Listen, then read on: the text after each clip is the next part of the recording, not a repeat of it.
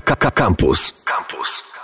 Nadajemy do Was e, prosto z lokalu e, Praska przy Brzeskiej, e, gdzie właśnie teraz będziemy rozmawiać właśnie o Pradze. Jest z nami Jacek Brzeski, właściciel Praskiej. Dzień dobry. Cześć, witam Was, witam wszystkich słuchaczy. Jeszcze chciałem dodać, że mieszkaniec Pragi, ale tu też chciałem się upewnić, ile to już lat na tej Pradze.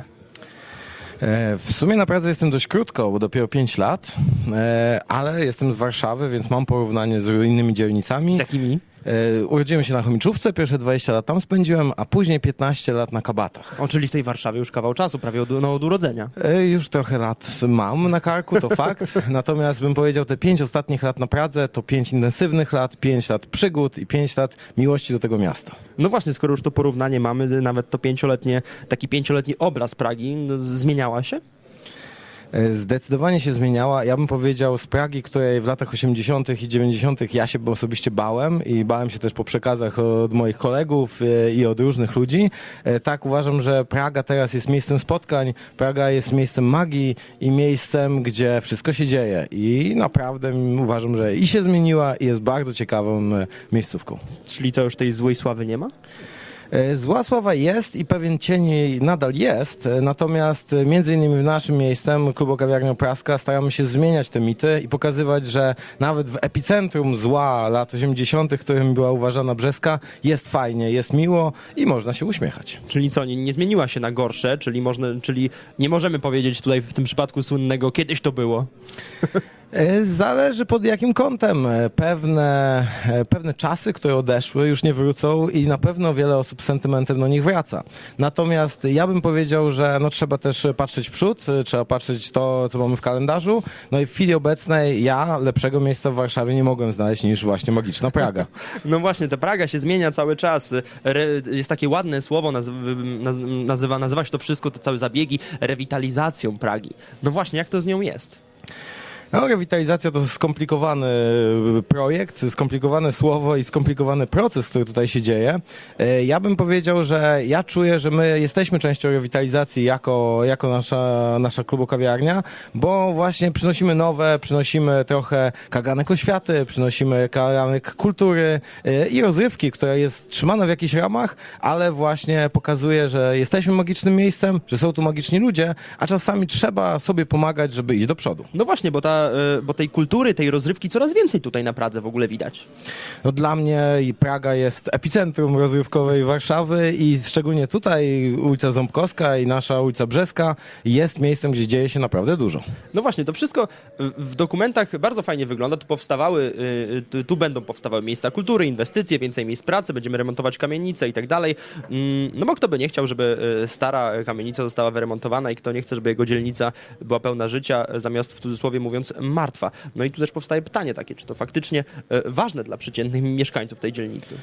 Ja bym powiedział bardzo ważne, e, natomiast nie jest to jednoznaczne. Nie wszyscy chcą na przykład, żeby Praga była rozrywkowa, nie wszyscy chcą, żeby tu było miejsce spotkań, żeby tutaj było miejsce ogródków i klubu kawiarni. Niektórzy wolą właśnie, żeby było spokojnie, natomiast ja uważam, że ten, e, te remonty, to odświeżenie i to poprawianie standardów, zwłaszcza dla rdzennych mieszkańców, jest bardzo ważne i tutaj większość jednak jest za. Niektórzy są tymi zmianami zachwyceni, ale krytyki też nie brakuje. Wszystko przez tą mm, owianą złą sławą trochę gentryfikacją. Mm, no właśnie, czy ta y, rewitalizacja dzielnicy, o której rozmawialiśmy przed momentem, nie jest właśnie tą gentryfikacją? Może też w ogóle najpierw wyjaśnijmy, y, czy ta, czym ta w ogóle gentryfikacja jest, bo w Polsce to słowo jest raczej mało znane.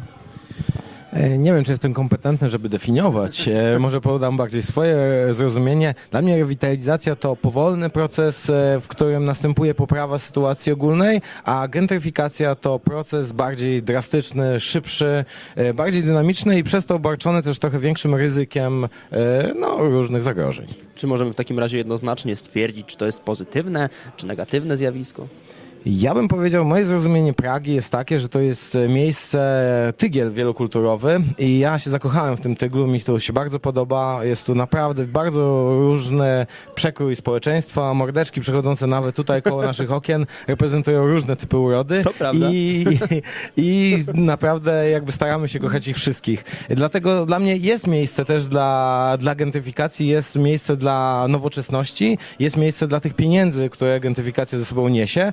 Natomiast trzeba być ostrożnym i według mnie trzeba bardzo pamiętać o szacunku do autochtonów, do ludzi, którzy tutaj mieszkają od wielu pokoleń i od pewnych tradycji, bo według mnie Brzeska to trochę miasto w mieście i to jest coś pięknego i ja bym chciał to kultywować i utrzymać jak najdłużej e, i dlatego jest to też obarczone wieloma wyzwaniami. Czyli w takim razie uszanowanie kultury jest tu w pewnym sensie kluczem do tego, y, do tego mm, nie tyle co powstrzymania tego zjawiska, co sprawienia, że będzie on pozytywny.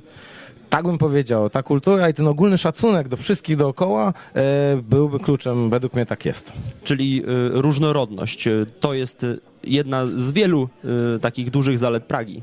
O, ja bym powiedział jedną z podstawowych i jesteśmy naprawdę bardzo różnorodni, jeśli chodzi o każdy aspekt e, społeczny, o którym możemy mówić. To już teraz tak bardziej przyziemnie y, y, zapytam, odchodząc od rozmyślań miejskich, mm, co tam na tej praszce się dzieje teraz?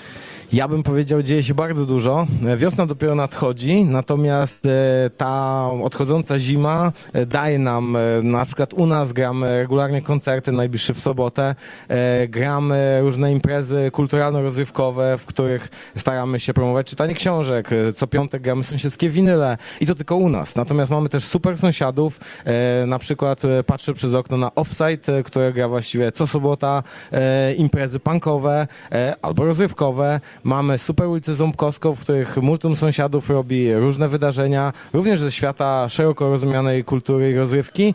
Naprawdę dzieje się tu dużo, można i potańczyć, i pośpiewać, i po prostu spotkać się z przyjaciółmi, pogadać i poznać nowych ludzi. Winyle, punk, y, imprezy różnego rodzaju. No, chciałoby się powiedzieć, że taka trochę dzielnica artystów. Ja bym powiedział epicentrum artystycznej e, Warszawy, zdecydowanie. My też jesteśmy miejscem spotkań artystów. E, Staramy się tym bardzo nie chwalić, żeby nie peszyć też tych artystów, albo żeby ich w cudzysłowie nie zepsuć. Natomiast tak, jesteśmy i tutaj e, jest natchnienie, tutaj jest, jest inspiracja, tutaj jest kreatywność, bym powiedział. Naszym gościem teraz był Jacek Brzeski, właściciel praski i aktualny mieszkaniec Pragi. Dziękuję bardzo.